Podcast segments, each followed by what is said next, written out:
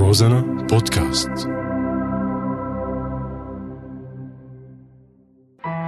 فلتتمهل الحقيقة في اقترابها من القيد الذي أشد به رسغي إلى رسغ الريح. المسرح ثورة. بدي أكتب اسم بلادي على الشمس. الفيلم مجاز. ارحم المشتاق ولا يقولوا بعمر خاين يا خديجة واللون تراكم مشاعر. هي ذاكرتنا ذاكرة بلد. معي أنا زوربا.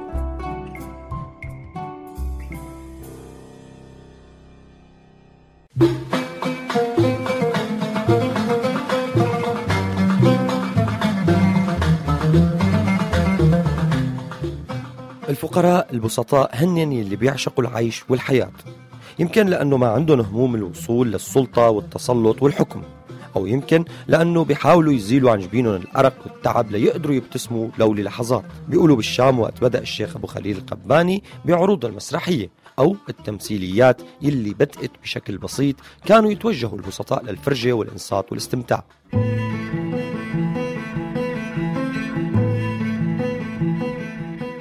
بعض الرواة بيذكروا تفصيل طريف وقاسي جدا.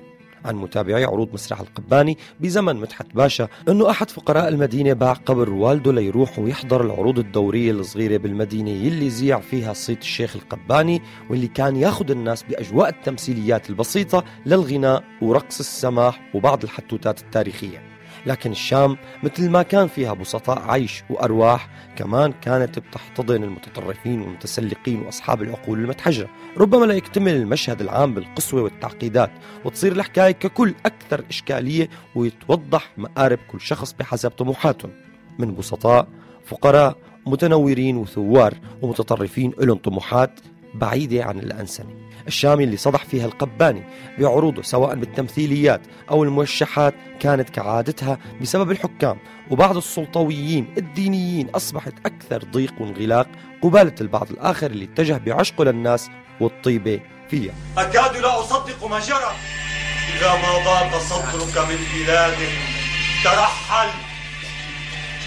طالبا أرضا سواها فإنك واجد أرضا بأرض ونفسك لم تجد نفسا سواها. ولد أحمد أبو خليل بن محمد آغا بن حسين آغا أقبيق بدمشق عام 1833 لأسرة دمشقية عريقة بيتصل نسبها بأكرم أقبيق اللي كان ياور مستشار السلطان القانوني. وأحد أجداده هو شادي بيك أقبيق يلي بنى مدرسة للعلوم الدينية بدمشق.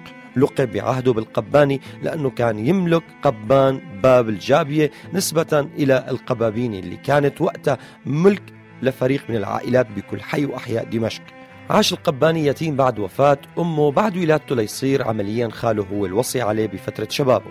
درس بالكتاب وبجامعة الطاووسية والمساجد الثانية وتلقى شتى العلوم من نحو وصرف وبيان وبديع. إضافة للعلوم الدينية والفقه وكمان درس اللغة التركية والفارسية. كان والده بده إياه يطلع مثقف ومتعلم. وأخذه للجامع الأموي الكبير ليتعلم اللغة العربية والقرآن الكريم. وطبعا ما مضى وقت طويل حتى زاع صيته نظرا لحده ذكائه وجمال صوته.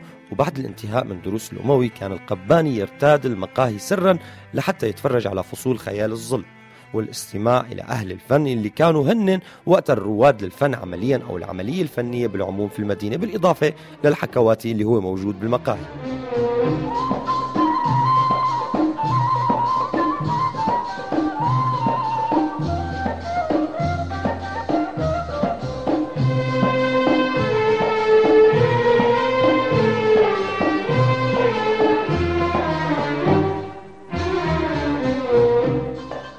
بدأ القباني بإقامة حفلات غنائية لأصدقائه بدار والده بباب سريجة لكن وقت سمع الأب المتشدد نسبيا بالشي اللي عم يصير ببيته.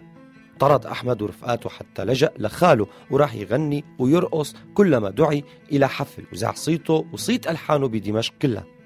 ومن خلال مجموعة أصدقائه بدأوا باستقطاب أهل الحي لعرض فرجته الدرامية. وقدر يلفت انتباه الناس لفتة جديدة يلي كانت تمتلك قيم الإبهار الفني. ولما اجى مدحت باشا والي دمشق على المدينة استدعى وجهاء دمشق وسأل عما إذا كان بيلتقى بدمشق ناس بيقدموا مسرحيات. وأشاروا عليه بالقباني واستدعي طبعا لمقابلة الوالي يلي كلفه بتمثيل رواية ليشوفها بنفسه. وامتثل للأمر وشرح له بأنه التمثيل بيحتاج لمسرح وأدوات تمثيلية لابد منها. فأمر الوالي بأنه يعطي من بلدته دمشق مبلغ مادي بتقدر بألف ليرة ذهبية. بعض الآخر بيقول باع القباني بيته اللي ورثه حتى يستفاد من عرض الوالي الإصلاحي مدحت باشا. استأجر القباني قطعة أرض بباب توما وراح يمرن رفقاته من هواة التمثيل لتقديم رواية عايدة. وحضر الافتتاح مدحت باشا اللي أبدى إعجابه وسروره بولادة مسرح القباني بدمشق. كانوا من الأصدقاء البارزين بصحبة القباني هن اسكندر فرح وجورج ميرزا. كانت أول خطوة له تجاه الاحتراف.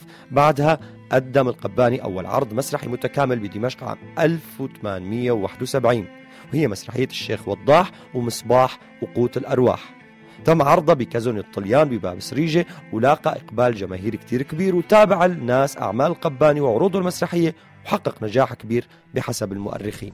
يا ربة الحسن الزاهي والجمال الباهي هلا تسمحين لي ببلوغ الإرب بعد هذا التعب؟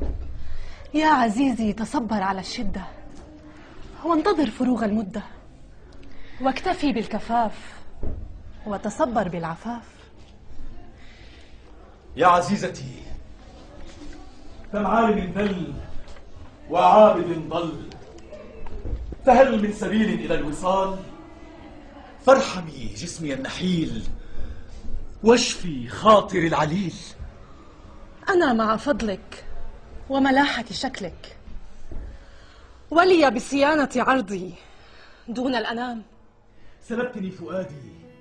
بينما بعام 1879 ألف أبو خليل قباني فرقته المسرحية وقدم بسنواته الأولى حوالي الأربعين عرض مسرحي وغنائي وتمثيليات. واضطر أبو خليل للاستعانة بالصبية لأداء دور الإناث في البداية حتى انخلقت المعضلة وبلشت الاستنكارات تنهال عليه من المشايخ فشكوه لوالي دمشق يلي تغير.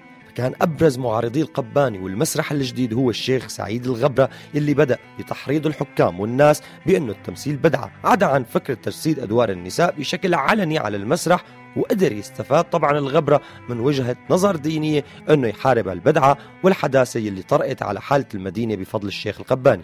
تحديدا كان يلاحظ الشيخ الغبرة أن الولاة الأتراك كانوا واقفين بجانب القباني وعم يشجعوه على فنه الجديد ويعتبروه مظهر من مظاهر الرقي والتقدم والتنوير. لكن الغبرة راح عكر على شغل القباني وأجواء مسرح وبلش يتهمه بالكفر لانسياقه وراء البدع الضالة وقدر يدفع الإقطاعيين للجوء للسلطان عبد الحميد الثاني وهو كان معهم يلي قمع عمليا كل الحريات وعطل الدستور الإصلاحي بعدة حركات منها نشر الجواسيس ليقدر يسيطر أكثر على الحركات التنويرية. وعاد الشيخ الغبرة بعد قضاء مصالحه ومآرب أصدقائه من رجال الدين ورجال الإقطاع لدمشق مصطحب معه قرار هدم مسرح القباني وإحراقه. يا مال الشام يا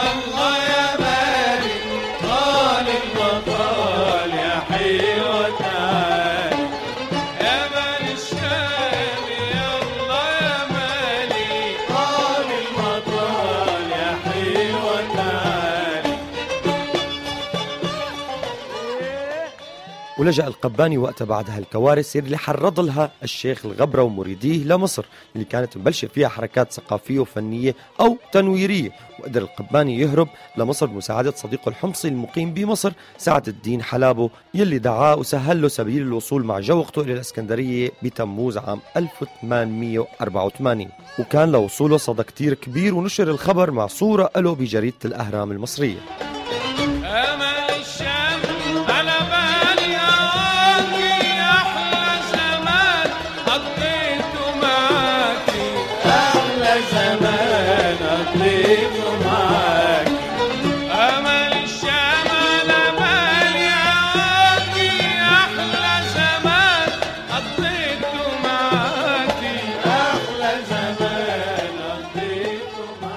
مسرح القباني مثل ما سموه المؤرخين هو مسرح شامل فيه الحكايات القصصية والغناء والرقص والشعر والطرب وكل الفنون اللي بتبهر العيون والآذان. فكان الطابع الغالب على هي المسرحيات هو الإنشاد الفردي والجماعي. بالإضافة للرقص السماعي كان القباني من أكبر أساتذة الموسيقى علما وتلحينا وبراعة أداء فضلا عن أنه هو كاتب وأديب وشاعر. القباني صاحب الأصول التركية اللي تأثر بالمسرح التركي. واللي كان يتمثل على مسرح ميخائيل نعوم من أوبريتات وموسيقات وكوميديات أكثر مما تأثر بالمسرح اللبناني أو بالمسرح الأوروبي على وجه الخصوص. خاصة أنه نعوم كان يدير أكبر مسرح بعاصمة الخلافة العثمانية وقتها من عام 1844 حتى سنة 1870 فالقباني بحسب المصادر ما كان يتقن أي من اللغات الأجنبية وإنما كانت لغته الثانية هي التركية اللي ترجمت لها بفترة مسرحيات كورني وراسين وموليير. عدا عن الأوبريتات اللي كانت تتقدم على مسارح اسطنبول.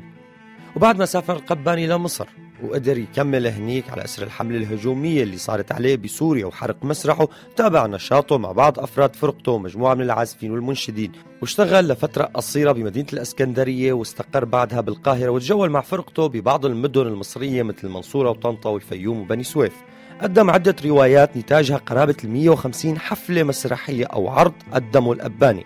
ونالت رواياته شهرة واسعة ويقال أنه عبد الحامولي ومحمد عثمان قدموا شيء من ألحانهم بين الفصول. هذا النجاح سيكون حافزا لنا في تقديم أعمال أفضل وأمضي لا تقاطع عملنا. سعيد الخبرة سعيد الخبرة هلا هلا طلع من عند السلطان عبد الحميد بالأسيتاني وعامل عنك تقرير طويل عريض والله يعلم لا لا لا لا. يا أبو خليل. شيخ سعيد خسئتم يا أصحاب البدع والضلال. قل جاء الحق وزهق الباطل. وقد شرفني الله بأن تكون نهايتك على يدي أيها الزنديق يغلق مسرح القباني ويمنع عن العمل على كره منه. ومن وأثناء إقامته بمصر زار دمشق أكثر من مرة وقدر يطلع مع بعض رفاقه برحلة لأمريكا الشمالية سنة 1892 ليشترك بمعرض شيكاغو وقدم فيها عدد من المسرحيات القصيرة. وبأواخر مدة وجوده بالقاهرة قدروا مجموعة من الملتزمين والمحافظين بتحريض من منافسي القباني وعادوا حرق مسرحه بمصر من جديد. وبعدها قرر الانقطاع عن العمل المسرحي وعاد لدمشق سنة 1900 توفي أحمد أبو خليل القباني بدمشق عام 1903 أسر إصابته بعدوى الطاعون ودفن بمقبرة عائلته ببابل الصغير بالميدان. ولجانب عمله المسرحي اللي كان عم يقدم فيها الفرجة الشاملة من فنون أدائية واستعراض وتقديم حكايات ترك تراث موسيقي غنائي من موشحات وأغاني شعبية. وألحان بقيت من أعماله المسرحية. أهمها يا مال الشام والبعض بينسب له لحن يا مسعدك صبحية ويا طيرة طيري وبلبل على الشجر غنى. عدا عن الأعمال المسرحية مثل ناكر الجميل وهارون الرشيد والشاه محمود. قومي العبي ورويني بعدك فنجان الصيني. قومي العبي ورويني بعدك فنجان الصيني. يا بنت ليه ما تطيعيني؟ والوقت صاير حرية. آه يا سلام يا سلام يا سلام. آه يا سلام والله الليل ما بنام؟ إذا اليوم بذاكرة بلد معنا الفنان آه، السوري سعد لوستان. المسرحي كيفك؟ مساء الخير. مساء الخيرات صديقي زوربا يعطيكم العافية. الله يعافيك. بحب دائما أعرفك بالمسرحي لأنه يمكن شوي المسرحيين مظلومين. شو رأيك؟ أنا بفضل أنك تعرفني بالمسرحي. يبدو انه يبدو بي بي الناس أصبحت بحاجة لأنه آه، شوي نرجع العالم نعرفهم على على بعض بالمسرحي أكثر من إنه نقول السينمائي وفلان وفلان لأنه السينما شوي أخذونا لأماكن أخرى. هلأ آه، يمكن لأنه أنا آه، يعني طبعا بحب المسرح وما بعرف شو من هذا الحكي بس آه، خليني أقول لك آه، ال- الخزان تبعي. عرفت كيف الذخيرة يعني إذا بدنا نستخدم هلأ هال- هالمفردات المعاصرة الحلوة دائما مسرحية شايف. كيف؟ اليوم اليوم موضوعنا عم نحكي عن ال- الشيخ أبو خليل القباني اللي بيقولوا عنه المؤسس الأول أو الرائد في تأسيس المسرح بدمشق أو بسوريا ككل لأنه بوقتها أنت كنت بتعرف آه، إنه ما كان في غير صياغات مثل الحكواتي والكراكوزاتي بالمقاهي كنموذج فرجه أو نموذج درامي حي تفاعلي أيوه. أيوه. بين الناس آه، أبو خليل القباني أنت بذاكرتك طبعا. آه وبنتاجك حتى كنت مشارك بعمل درامي لإيناس حقي بتصور الإخراج وكتابة آه، الأستاذ خيري الذهبي. وأنت كنت مشارك بهذا العمل الدرامي. ولكن نحن رح نرجع بالذاكرة أكثر لنحكي عن آه، أبو خليل القباني وقضية حرق المسرح آه، من قبل متطرفين. إذا مثل ما أنت استخدمت مفردة الذخيرة أنا رح استخدم مفردة المتطرفين. شو ممكن تحكي لنا عن هذا الموضوع كمدخل؟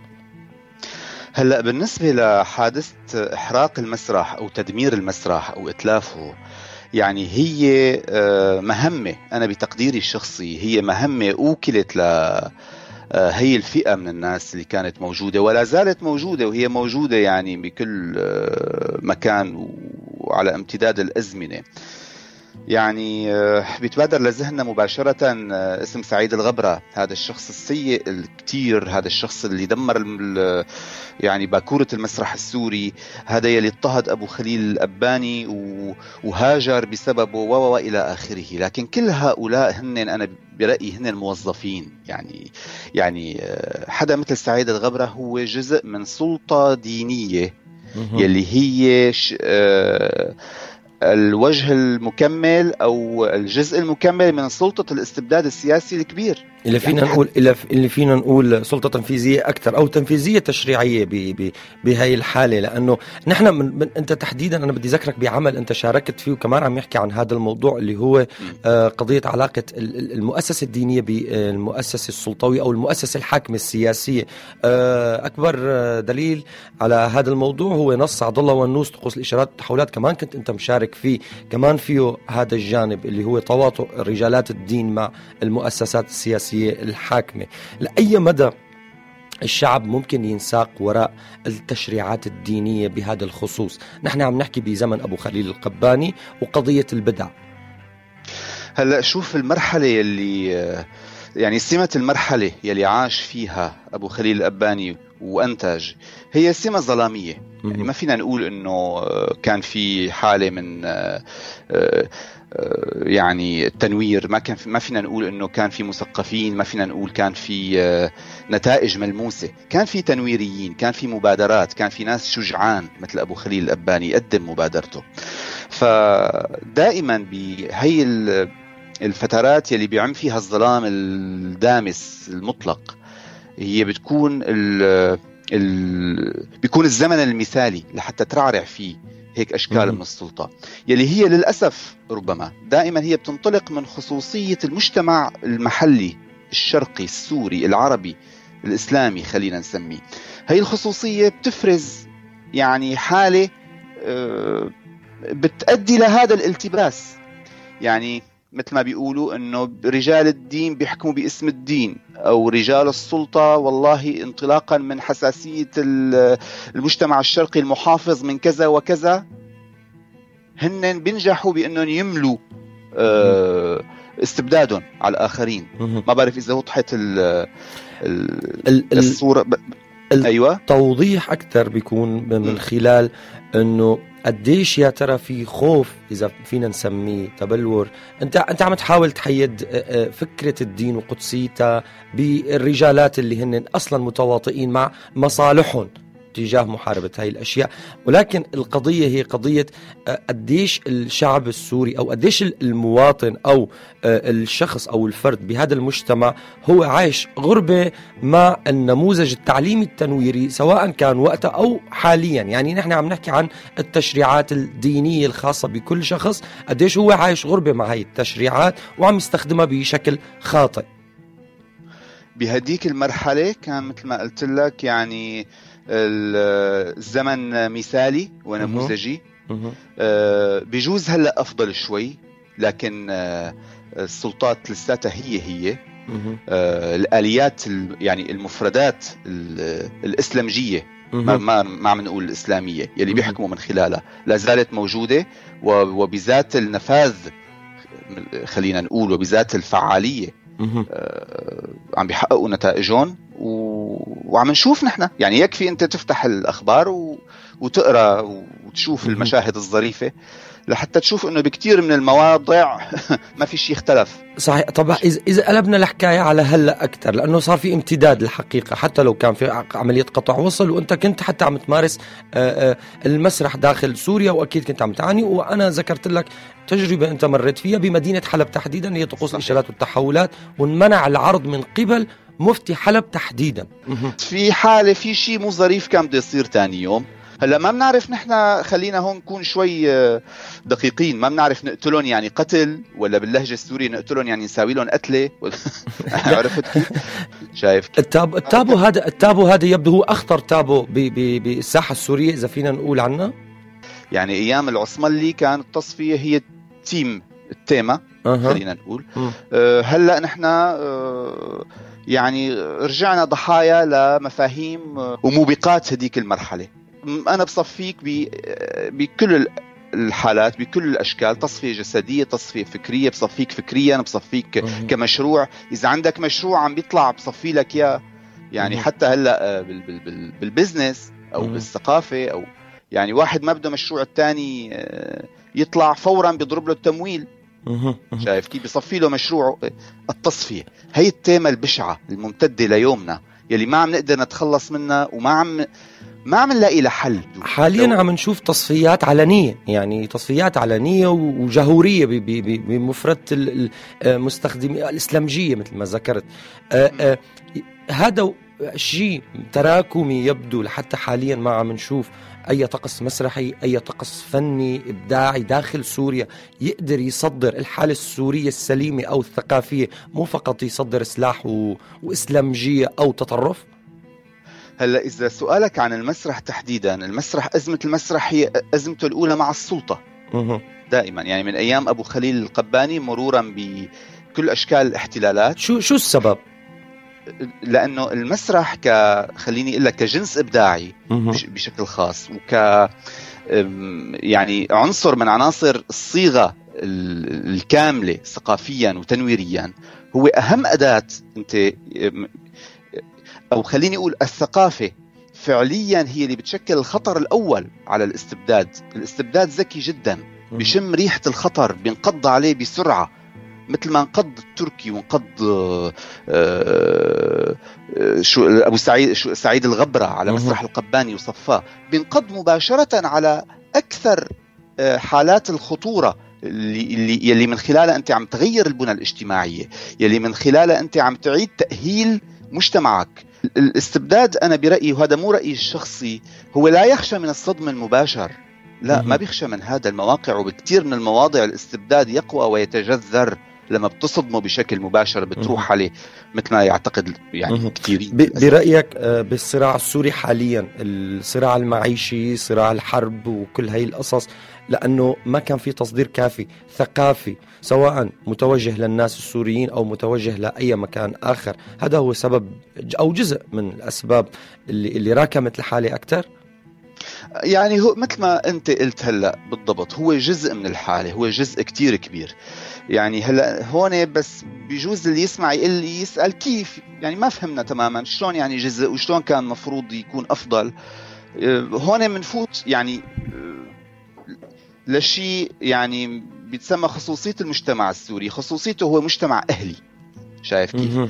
حالات الاستبداد الطويلة اللي مرت على سوريا والتي لا زالت داخليا وخارجيا وتدخلات و إلى آخره. هي الحالة الأهلية القبائلية العشائرية المذهبية بيحافظ عليها. بيحافظ عليها ما بيغيرها لأنه من خلال مفاصلها هو بيضل ممسك بالمشهد ممسك بالسلطة تبعه عم يضمن كل مصالحه. بداية تفكك الاستبداد لما بتحول يبدأ بالتحول بالانتقال من الحالة الأهلية من دون ما يفقد خصوصيته المجتمعية أنا عم بحكي ما عم نقول إنه المسلمين يبطلوا يصيروا مسلمين المحافظين لا بدهم يصيروا مدري شو لا لا لا لا, لا. بذات الخصوصية ولكن ينطلق باتجاه حالة مدنية باتجاه آه، تغيير حقيقي بالبنى الاجتماعية مثل ما قلت لك باتجاه تحسين ظروف التعليم تحسين ظروف كل أشكال التلقي ثقافيا آه، بالإعلام آه، التشكيلات السياسية والى آخره. هذا المسرح مثل ما قلنا إحدى أهم الأدوات. أه أنت ما بتشوف معي إنه في جزء من المشكلة هن الناس هن الشعب؟ هلأ آه، علميا خليني أقول يعني إنجاز ال- التعبير ونقديا. ما ما بصير نقول هذا الكلام لأنه الاستجابة دائما جاهزة عند الناس. يعني الناس ما جاهزة. أنت بدك تجهز الناس حسب يعني حسب طبيعة هذا المجتمع وخصوصيته. ما في مجتمع بيتجهز مثل الثاني. لحتى يب- يبلشوا يتجاوبوا معك يتجاوبوا مع مشروعك. وهذا الشيء لاحظنا أنه حصل مع أبو خليل القباني حسب ما وصل إلينا وحسب ما نقلوه. كانت استجابة رائعة جدا بالرغم من آه، الظلام الرهيب اللي كان موجود بدمشق والموبقات باشكالها لكن آه، أبو خليل القباني قدر يعمل آه، يعني إن صح التعبير حالة التخصيب ونجح تماما بهذا الشيء. سعد لوستان نحن كثير بنتشكرك بذاكرة بلد وبروزنا آه، أمتعتنا بالحديث آه، آه، شكرا كثير لك على وجودك معنا بذاكرة بلد وبروزنا. شكرا لك زوربا وشكرا لروزنا. شكرا لك